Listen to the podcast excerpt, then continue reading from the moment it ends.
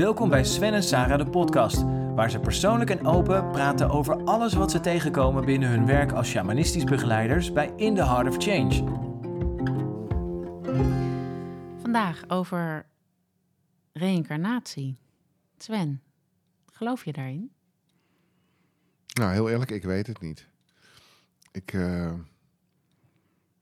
als ik naar mezelf en naar de mensheid kijk, dan, dan zie ik gewoon dat we allemaal een ego hebben en heel erg ons best doen om eh, dat ego een eeuwig leven te geven.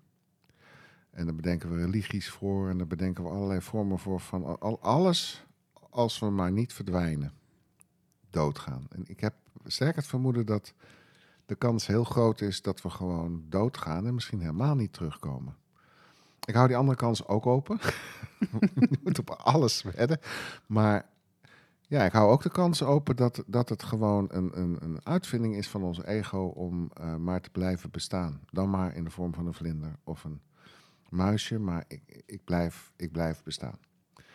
En, uh, maar hoe komt het dan bijvoorbeeld dat sommige mensen herinneringen hebben aan een ander leven? Ja, kijk, ik, ik, ik zelf heb geen herinnering aan een ander leven. Ik heb wel heel veel mensen die dat wel hebben ontmoet, zeg maar. Dus, dus ja, het kan ook zijn dat het, dat het wel zo is. Um, maar ik heb al bijna geen herinneringen meer aan dit leven. Oké, dus, maar dat is die Alzheimer die. nee, maar ik bedoel, eh, ja, is het zo relevant? Ik, ik zie een heleboel levensfasen van mezelf waarbij ik denk van ja, dat kan je ook zien als uh, doodgaan en weer reïncarneren in een nieuw soort Sven. In, in, zeg maar een andere persoonlijkheid, in een nieuwe fase van mijn leven. En dan is die oude fase al helemaal niet meer relevant. Daar kunnen we het nog wel over hebben, maar... Nou ja, wat ik... Ik geloof wel in reïncarnatie. En Ik uh, omdat er bepaalde herinneringen die ik wel heb van een ander leven Um, al denk ik dat het tegelijkertijd ook misschien wel uh, de collective mind kan zijn. Dat je kan intappen op informatie die groot is. Dus misschien wel dingen die anderen hebben meegemaakt die je kan channelen of zo. Maar wat ik het belangrijkste vind is of je nou een ander leven hebt gehad of niet. Of daar een verhaal van hebt of niet. Wat, eh, eh, hoe is het relevant nu in je leven? Dus ik, ik, ik hamer altijd op verantwoordelijkheid nemen voor je proces of mm hetgeen wat je inzichten zijn. Dus als het een inzicht is van een ander leven, wat kan je daar dan nu mee en hoe neem je daar verantwoordelijkheid voor? Want dat is waar ik een beetje moeite mee heb als mensen naar een orakel gaan of naar een uh, gids of iemand die iets ziet bij je zegt, ja, je hebt in een, bent in een vorig leven Cleopatra geweest. Ik ken er heel veel namelijk die dat zijn mhm. geweest dan denk ik oké, dus dat is heel mooi. Maar dan is het, wordt het iets uh, abracadabra spiritueels. Maar als je dat denkt, of als je dat zo voelt, wat brengt het je nu, in je leven nu? Dat vind ik wel relevant. En dat maakt me eigenlijk niet eens zo van uit daar geloof of het ik waar wel is. In. Daar geloof ik namelijk wel in. Want ik zie ook in de beelden die mensen krijgen in medicijnen, die soms ook over andere levens lijken te gaan. Die beelden heb ik ook gehad. Allerlei indianenlevens. Ik zeg, ja, het lijkt erop alsof ik heel veel indianenlevens heb oh, gehad. nu heb je het wel gehad. Ja, maar dat, de vraag is of dat echt ook vorige levens zijn geweest. Of dat überhaupt relevant is in de tijd. Ja. Of dat dat archetype van de indiaan zich in mijn leven wil laten zien en mhm. geactiveerd moet worden omdat ik bijvoorbeeld shamanistische dingen te doen heb hier. En, en, en dat het dus zich presenteert als een, nou, een vorig leven. Ja. En dan is het alleen maar relevant. En uh, wat betekent het nu voor jou? Ja, wat kan je er nu mee? Wat kan je er nu mee? Dus de Cleopatra, zo doen we dat, zo, zo, zo behandelen we eigenlijk ook de medicijnervaringen van mensen. Het is allemaal heel leuk dat je het hebt over vorige levens, maar, maar als we dat archetype nu eens pakken naar, en naar nu brengen. Ja. Dus die beer, dat is een mooie totem. En je bent doodgespeerd door een indiaan in je vorige leven als beer. Wat zegt dat nu over die animale kracht in jou, uh, die, die, die je zelf misschien. Uh, Waarom heb je nu die herinnering? Waarom dient het zich nu aan? Wat kan je daarmee? Dat is ook het enige wat, volgens mij is de vraag: is het zo niet, helemaal niet relevant? Nou, weet je waarom ik het ook niet relevant vind? Want ik heb een, een ander idee daarbij. Ik zie het niet lineair. Dus ik zie het dat tijd en ruimte iets anders is dan we denken. Dus wat, wij zien een ander leven als iets wat je al hebt gehad. Ja. Of misschien iets in de toekomst. Maar als tijd en ruimte niet bestaat, zoals je ook bijvoorbeeld kan voelen in een plantreis, dan zou het, dan geloof ik er meer in dat al je levens nu plaatsvinden.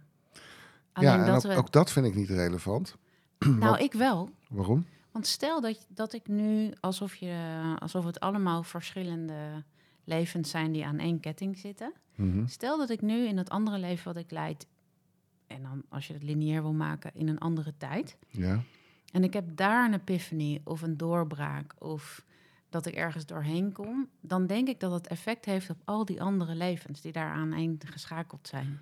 Dus als ik nu ineens een herinnering heb van zo'n leven als Indiaan of uh, het bevechten van een beer, dan komt dat nu in mij op omdat ik daar nu een doorbraak in heb. En dan heb ik dat te integreren in mijn leven nu. Of het nou waar is of niet. Ja, maar dan zeg je eigenlijk hetzelfde. Het, het doet er gewoon niet toe.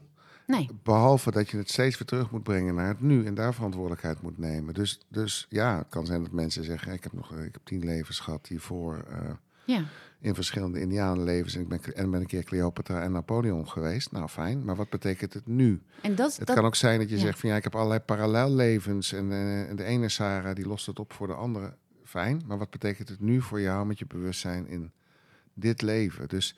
Ja, maar dat is precies, denk ik, waar wij het onderscheid maken tussen spiritualiteit en die zweeft. Of gegronde spiritualiteit. Ik heb echt ook, ik meen serieus, ik heb een ontzettend diepe hekel aan dat georakel over vorige levens, over hoe bijzonder. En het is nooit, na het vorige leven was ik gewoon een doorsnee sukkel en uh, kon ik niet zoveel. Het is altijd iets heel bijzonders en het is altijd zeer verdacht. Ik denk, nou, kom op, uh, doe even Nou, of je hebt iets heel heftigs meegemaakt in een vorig leven. Ja, we zijn allemaal... Maar dus het verschil is, heb je iets heel heftigs meegemaakt in een vorig leven om te verklaren waarom je nu doet zoals je doet? Of heb je iets heel heftigs meegemaakt in een vorig leven en neem je daar nu verantwoordelijkheid voor, zodat je er niet wederom slachtoffer van wordt? Want ik heb het idee dat heel veel mensen die gaan dan naar een medium en die zeggen: Ja, ik weet hoe het komt. Want het komt omdat in een vorig leven is mijn hoofd eraf gehakt. En daarom durf ik me nu niet uit te spreken. Dan denk ik: Oké, maar dat betekent dat je er nu slachtoffer van bent. Maar als je dat weet, hoe kun je dat helen? Ja, dat vind ik een heel goeie. Ik heb ook heel veel, nou, we maken heel vaak raak, je, raak je, nou, met, zeg maar zo, met een groep raak je het thema hekserij aan. Mhm. En dan gaan er altijd mensen, meestal vrouwen, uh, gaan dan, uh, ja, maar ik ben heel vaak op de brandstapel geweest enzovoort. En dat is helemaal niet relevant. Ik bedoel, het is alleen maar interessant hoe jij jezelf nu op de brandstapel zet. Nou, het is wel relevant. Je mag het wel vinden en, en voelen, maar en, en daar begrip voor hebben. Alleen, hoe neem je verantwoordelijkheid daarvoor en zorg je dat je niet wegloopt voor je verantwoordelijkheid nu? Ja, en wat kan je ermee? Ik vind het vaak een excuus voor mensen. Daarom durf ik niet. Daarom zet ik mijn kracht niet in de wereld. En heb ik een mooi verhaal. Mijn ego heeft weer een, nu weer het vorige leven als verhaal. Uh, om om niet de verantwoordelijkheid te pakken. Terwijl echt het enige interessante is. Nou, stel je voor dat we gewoon indromen. En misschien ook via de beeldtaal van vorige levens. Dat kan. Mm -hmm. Of parallellevens misschien wel archetypes aangereikt krijgen om gewoon in het hier en nu verantwoordelijkheid te nemen voor de thema's die wij gewoon in ons dragen en die we te ontwikkelen hebben. Dat het gewoon eigenlijk niet relevant is via welke weg dat komt. Maar weet je wat ik hier leuk van vind? Want eigenlijk zitten wij hier nu in het of-of. dus jij zegt, nou, ik geloof er niet in. Ik zeg, ik geloof er wel in. Maar het maakt dus niet uit. Nee. Het gaat erom, het, het kan en-en zijn. Je kan erin geloven, je kan er niet in geloven. Whatever it is, als er een verhaal komt ga je ermee doen? Ik, ja, want, want het andere komen, we niet, komen wij niet uit. En het enige praktisch toepasbare en ook enige relevante is... nou neem ik dan verantwoordelijkheid voor die ervaring of dat beeld. Ik weet zelf, ik heb een aantal mediums bezocht... en sommige kwamen echt met far-fetched uh, verhalen. Ik denk, ja, de tijd van Atlantis en niets te checken. Ik denk, ja, jij zegt dat, maar was één vrouw die, die ook met een heel farfetched verhaal kwam over wie ik was. En uh, ging heel snel zeg maar, door mijn leven heen. En, en, en, die zei van ja, ik zei van nou, heel eerlijk, herken je dit? Ik zei nee, ik herken hier helemaal niks van. Als je mijn vrienden zou vragen, zouden die zeggen... Het is precies tegenovergesteld. Sven is echt heel iemand anders. Dus, en toen zei ze tegen mij... Ja, maar dit is de diepte van de diepte. En uh, doordat we dit aanraken, komt die informatie vanzelf naar boven. Dan zeg ik, ja, dat kan je altijd zeggen. Ik bedoel, ja, dit is natuurlijk heel flauw en obligaat om dit, om dit te zeggen. En twee dagen daarna kwam ik ineens achter van shit, ze had wel gelijk. Dus ik moet ook daar een, ennetje bij zetten. Van, ja, Maar wat, wat leverde dat op dan? Want je, ze kan wel gelijk hebben, maar... Nou, dat ik dat, dat een aantal dingen die ze aanraakte, zeg maar. Ze ging heel snel langs bijvoorbeeld mijn shamanistische leven. Ja, je kent dat wel met die totems enzovoort. Het was net, net echt een laadje linksachter, zeg maar, in plaats van wat het nu voor mij is, een, een belangrijk ding. Ja, maar voor jou ziet dus dat gewoon eventjes, eventjes dit, is even, een- dit leven moet je dat even doen. En daardoor realiseer ik me van, oh ja, dat is ook zo. Het is niet alleen maar, eh, dat is in mijn leven nu een hele wereld, maar het is maar een, een klein onderdeel van een heel groot weefsel waar ik ook deel van uitmaak. Dus ze zetten je leven in perspectief. Ja, heel dat erg. je niet te veel hoeft te hechten aan de Ja. dingen die voorbij komen in Ja, je leven. Bedoel dus, je dat? dus- ja, dus het heeft mij wel geholpen ook dat andere mensen zomaar orakelden. Dus ja, ik moet ook wel eerlijk zeggen van, eh, het is niet alleen maar informatie die je kan verifiëren kennelijk. Het is wel heel leuk hoe je gaat van... ik heb een hekel naar... het is ook wel relevant. Ja, dat noemen we geestelijke flexibiliteit. en, en. Ja. nou, ik denk dus, dus, nou, mijn conclusie tot nu toe is, het maakt echt niet uit wat ons betreft Nee, of het bestaat reïncarnatie of niet. ja. Eh, volgens mij moet je het verhaal niet gebruiken om je verantwoordelijkheid te ontlopen. En als je die archetypes toch gebruikt in je verhaal, in jouw ego, kijk er dan naar en benut ze dan ook en gebruik ze dan als een spiegel voor jezelf. En kijk dan, waar ben ik dan verantwoordelijk voor als Cleopatra? Ben ik dan ook wel de koningin of de, eh, de farao van mijn leven? Eh, durf ik wel op de plek te gaan staan waar ik hoor te staan om mijn volle macht te laten gelden, bijvoorbeeld? ja.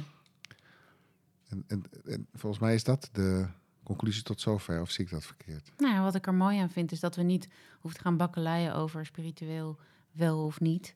Maar ehm, dat reflectie eigenlijk in de hiërarchie daarboven staat. oh ja. Wat doe je ermee? Nou, vind ik wel, eigenlijk. Ja, dat vind ik eigenlijk ook. Dat geldt ook voor, voor de beelden die we binnenkrijgen via medicijnen, dromen. eh, eigenlijk via alle, alle wegen. Het gaat gewoon heel erg over de, wat staat er boven alles in de hiërarchie wat ons betreft. Hier en nu verantwoordelijk zijn. Dankjewel voor het luisteren.